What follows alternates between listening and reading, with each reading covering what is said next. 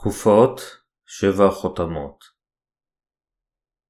חזון יוחנן, פרק 6, פסוקים 1-17 הנושאים בכל פרק בחזון יוחנן יכולים בתמציתיות להיות מסוכמים כדלהלן.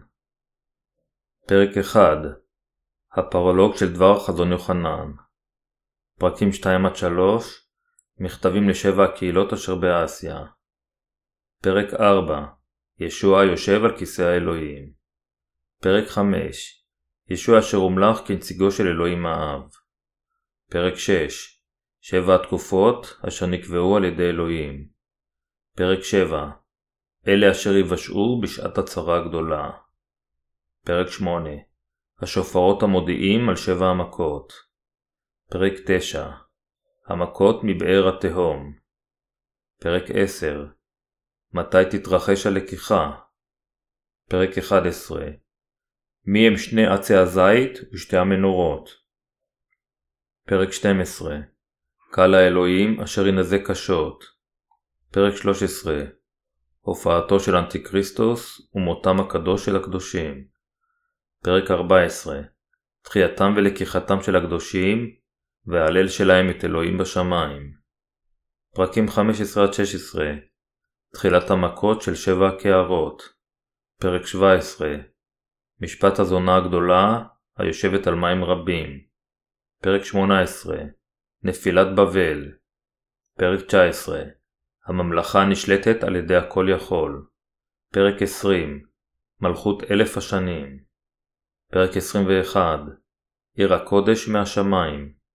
פרק 22 השמיים והארץ החדשים היכן שמי החיים זורמים.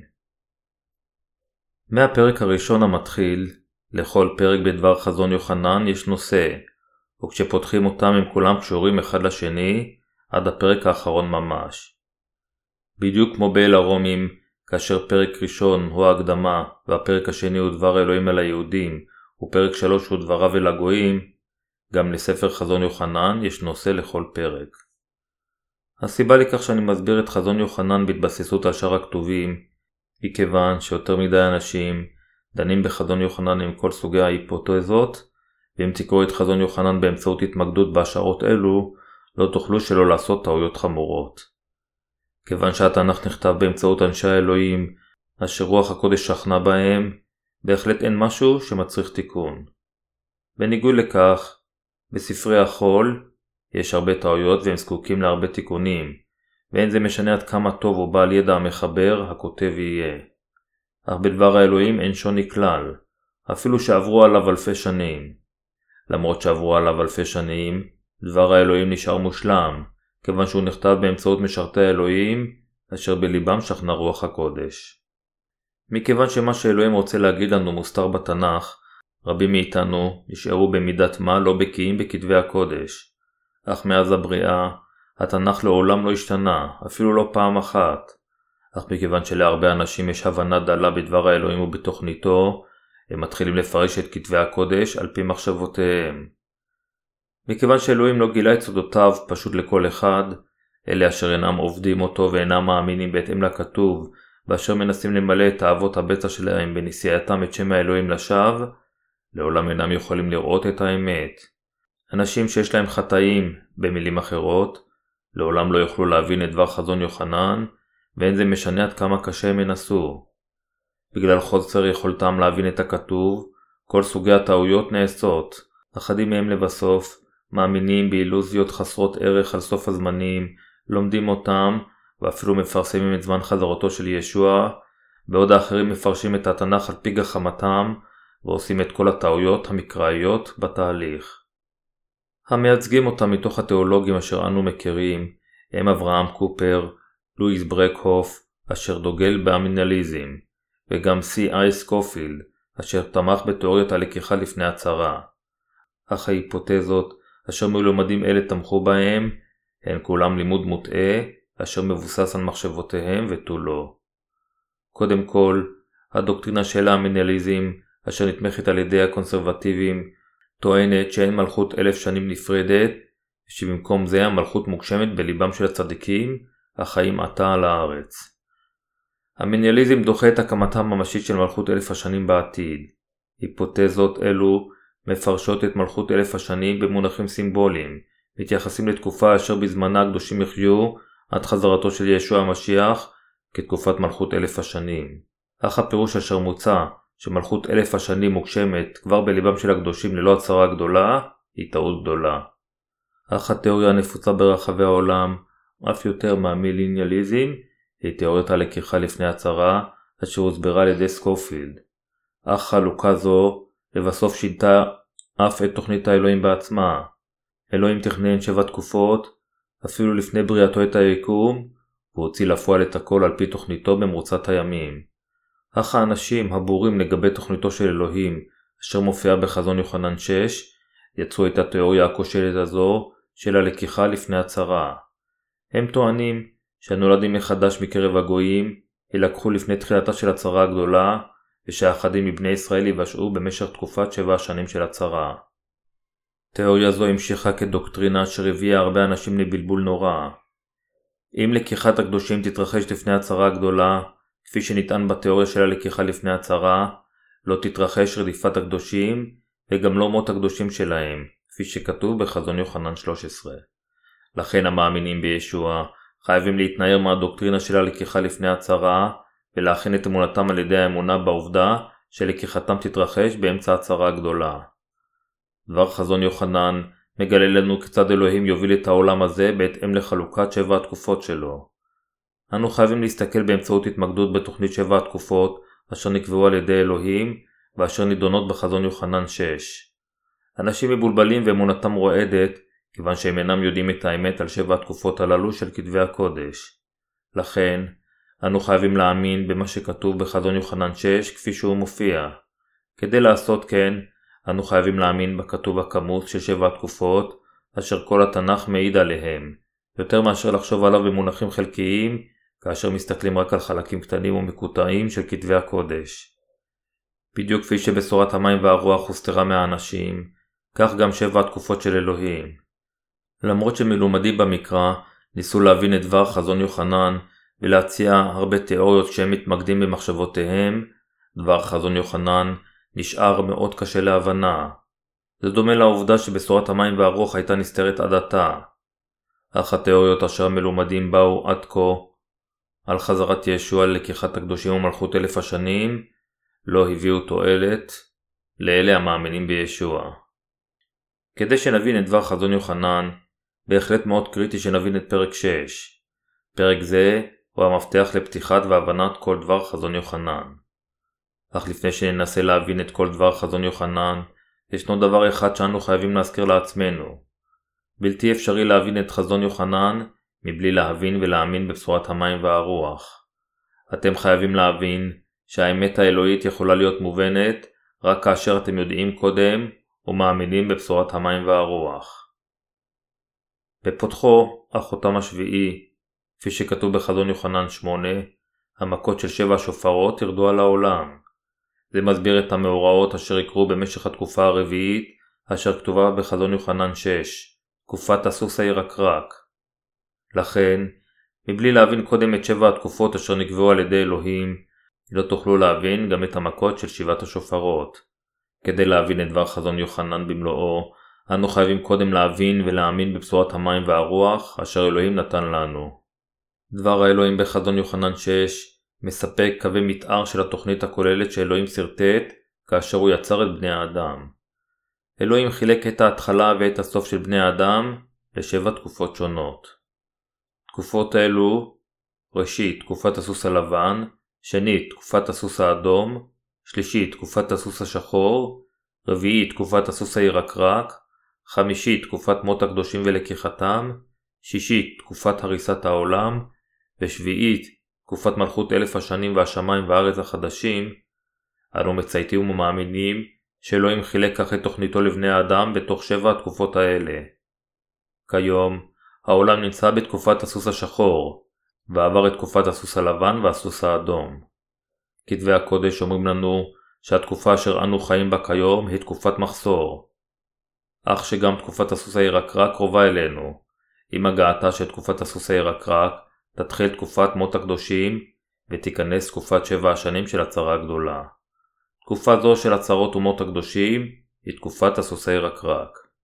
וכפותחו את החותם הרביעי, וישמע את החיה הרביעית אומרת בואו ראה, וירא, והנה סוס ירקרק, והרוכב עליו שמו המוות, ושאול יוצאת לרגליו, וינתן להם שלטון על רביעית הארץ, להעמיד בחרב וברעב ובדבר ובחיית הארץ. הקטע כאן, וינתן להם שלטון על רביעית הארץ להמית, ובחיית הארץ, מצביע שאנטי כריסטוס יופיע בזמן תקופת הסוס הירקרק, ושהקדושים ימותו מות קדושים על ידו. המאורעות אשר התפתחו בזמן התקוף הסוס הירקרק, כתובות בחזון יוחנן, פרק 8, פסוקים 1-7, כפי שכתוב וכפותחו החותם השביעי, ותהי דממה בשמיים כחצי שעה, וירא את שבעת המלאכים אשר עמדו לפני אלוהים, וינתנו להם שבעה שופרות.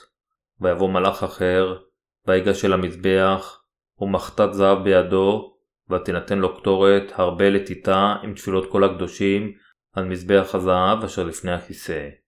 ויעל עשן הקטורת עם תפילות הקדושים יד המלאך לפני אלוהים.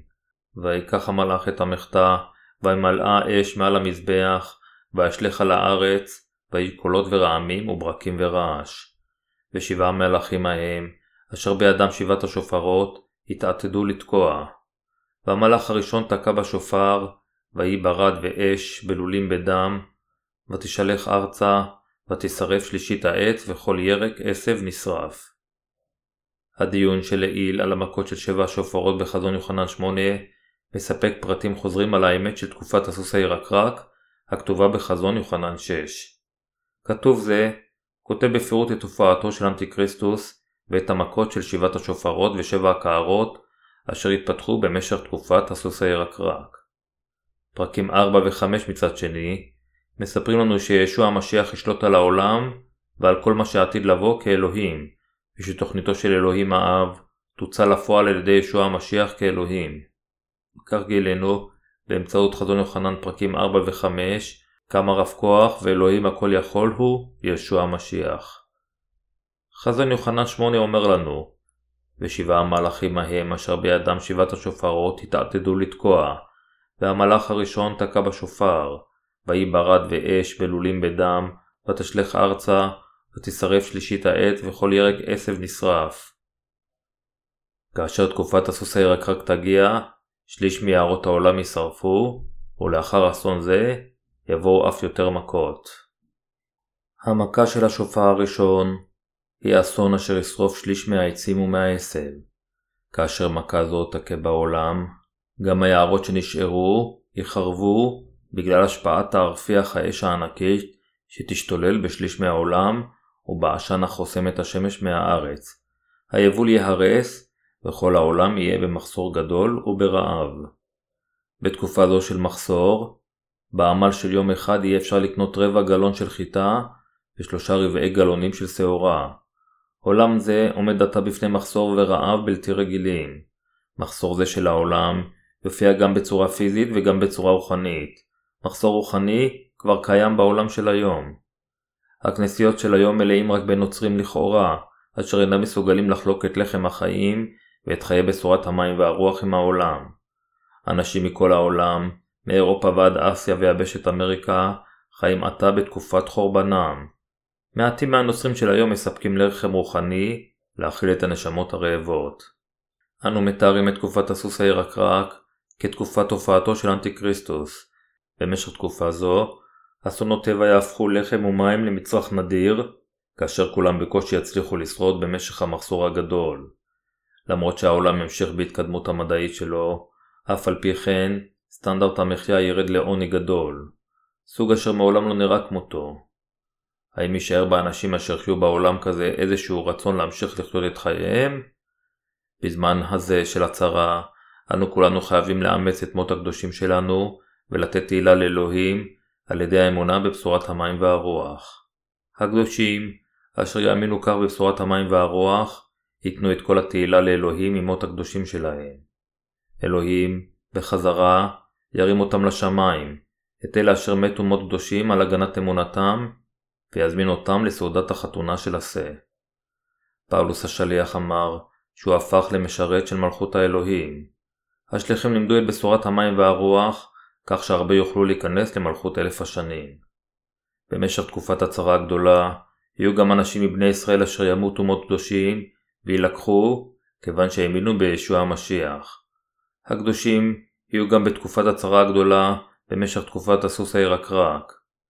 כאשר תבוא הצרה הגדולה, כולם בעולם הזה יחפשו מישהו אשר יוכל לעשות סדר בעולם המוכה באסונות. הם ישתוקקו למישהו אשר יוכל לפתור את הבעיות אשר נגרמו על ידי אסונות הטבע הנוראיים, ואשר יכול לפתור את הבעיות הפוליטיות, הכלכליות והדתיות הרבות אשר הם יעמדו מולם. אז יהיה כאשר אנטיקריסטוס יופיע. לא מזמן, מחברת יפנית כתבה סדרת ספרים בשם סיפור הרומאים, אשר אין שם שום דבר מלבד תשבחות לקיסרים הרומיים. הטענה העיקרית של המחברת הייתה שהעולם יהיה זקוק בקרוב למנהיג בעל כוח אבסולוטי. הרבה אנשים הסכימו עימה. בשעת הצרה הגדולה, אנשים ירצו מנהיג עוצמתי אשר יוכל לשלוט בעולם עם אגרוף ברזל. לא הרבה שליטים כל אחד בתחומו, אלא שליט יחיד עוצמתי של כל העולם. כיום, העולם מחולק להרבה מדינות של עמים, ולכל עם יש את מנהיגו, אך בסוף הזמנים, אנשים יחפשו מנהיג עולמי כריזמטי, אשר יוכל לפתור לחלוטין את כל בעיותיהם. העולם ממתין עתה למנהיג הזה, אנטי כריסטוס, אשר ישלוט על כל העולם.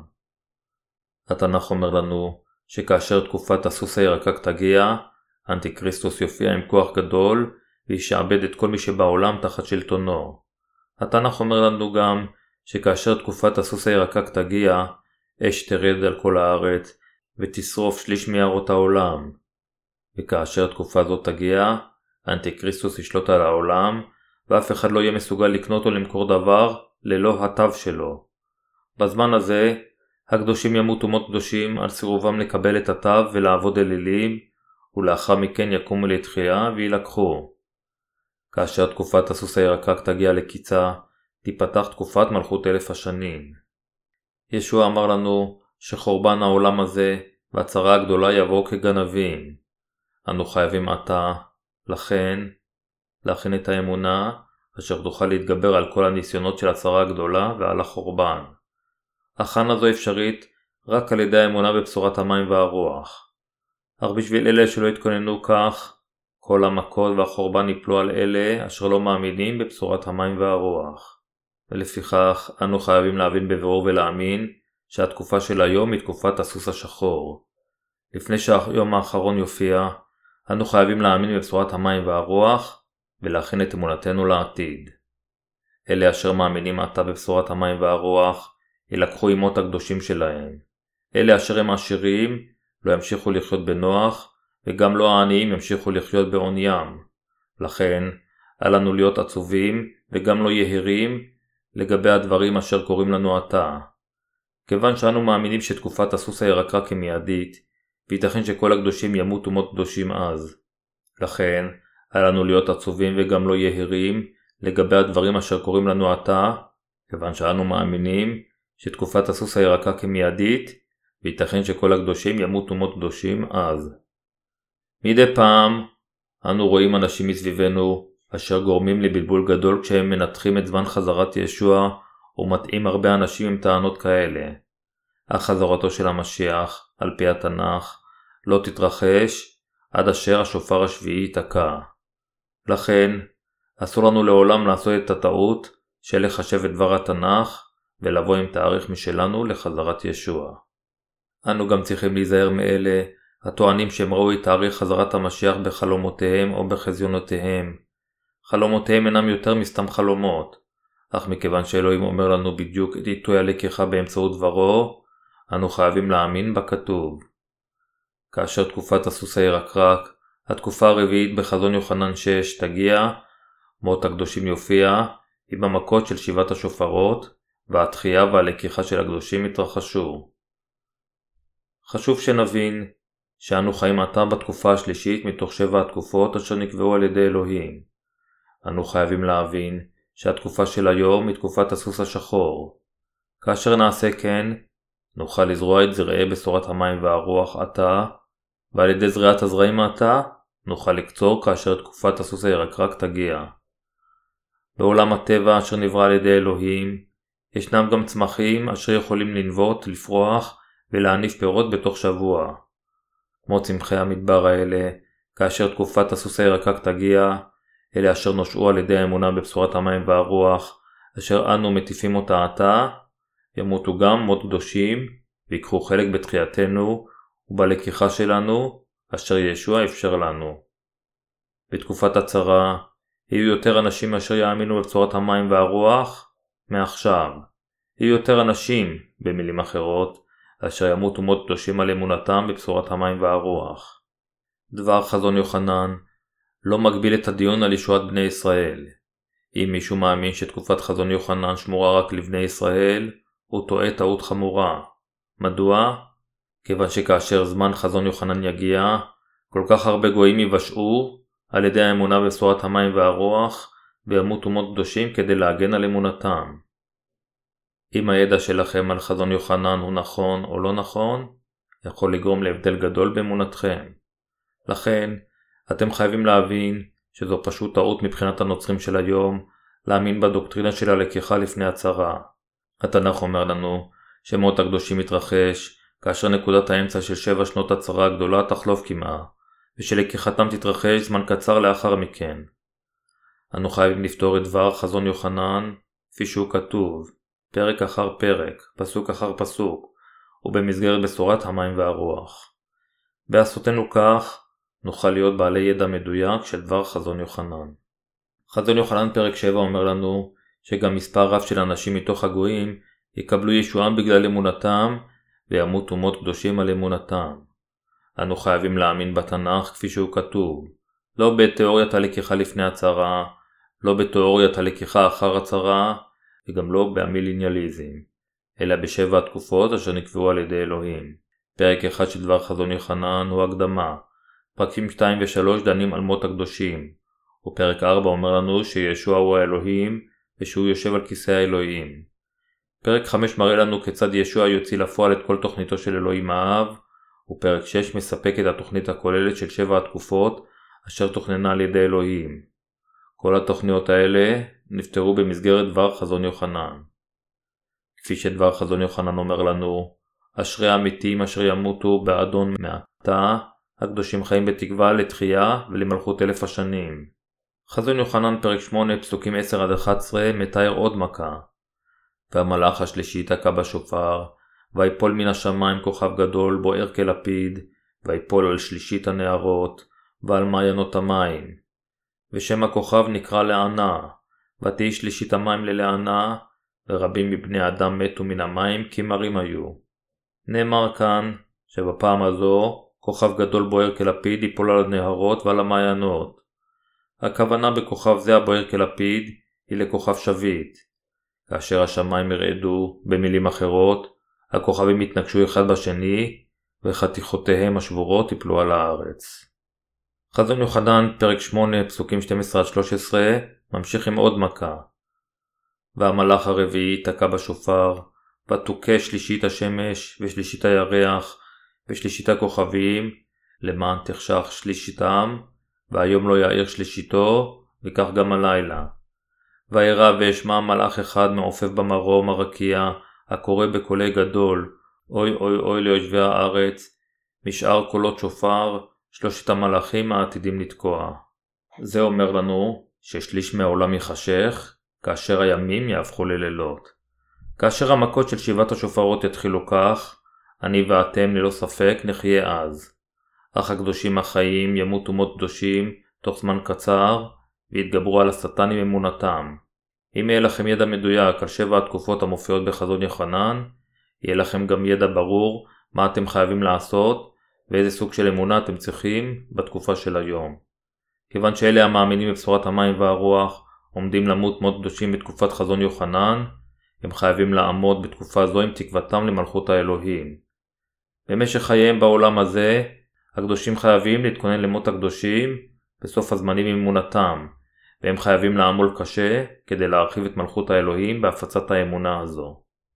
האם אתם יודעים ומאמינים בשבע התקופות אשר נקבעו על ידי אלוהים? האם אתם יכולים להבחין שאנו חיים עתה בתקופת הסוס השחור? אם לא תדעו ולא תאמינו בבשורת המים והרוח עתה, לא תהיו מסוגלים להימלט מהצורות אשר ירדו על הארץ. לכן, עליכם להתכונן עכשיו. כדי שתהיה לכם האמונה אשר תוכל להתגבר על הצרות, אתם צריכים קודם כל להימחל מכל חטאיכם על ידי האמונה בבשורת המים והרוח, ולהתכונן להיכנס ולחיות במלכות אלף השנים, על ידי שתקבלו את רוח הקודש כמתנה. התכוננו עתה, אם אתם עומדים לדחות ולהאמין בבשורת המים והרוח, רק כאשר המכות של שבעת השופרות יגיעו, אתם תעמדו בפני הרבה צרות. תקוותי ותפילתי היא שאתם תאמינו בבשורת המים והרוח ממש ברגע זה, כדי להיוולד מחדש וכדי להכין את עתידכם כאנשי האלוהים. שבע התקופות אשר נקבעו על ידי אלוהים שבע התקופות אשר נקבעו על ידי אלוהים הן כדלקמן 1. הסוס הלבן תקופת תחילתה והמשכה של בשורת המים והרוח 2. הסוס האדום ניפוץ השלום עם כניסתה של תקופת השטן 3. הסוס השחור תקופה של מחסור פיזי ורוחני, התקופה הנוכחית 4. תקופת הסוסי רקרק תקופת מות הקדושים עם הופעתו של אנטי-כריסטוס 5. תקופת תחיית הקדושים ולקיחתם בסעודת החתונה של השה 6. תקופת הריסת העולם הראשון 7. תקופת מלכות אלף השנים והארץ והשמיים והחדשים, אשר נשלטים על ידי ישוע וקדושיו. אלו הן שבעת התקופות אשר נקבעו על ידי אלוהים. אלה אשר יודעים היטב על התקופות האלה ומאמינים בבשורת המים והרוח, הם אלה אשר מכינים את אמונתם לחיים שבסוף הזמנים. אני מקווה ומתפלל שגם אתם תוכלו להבחין בתקופות האלה של האמונה האמיתית, אשר נקבעו על ידי אלוהים.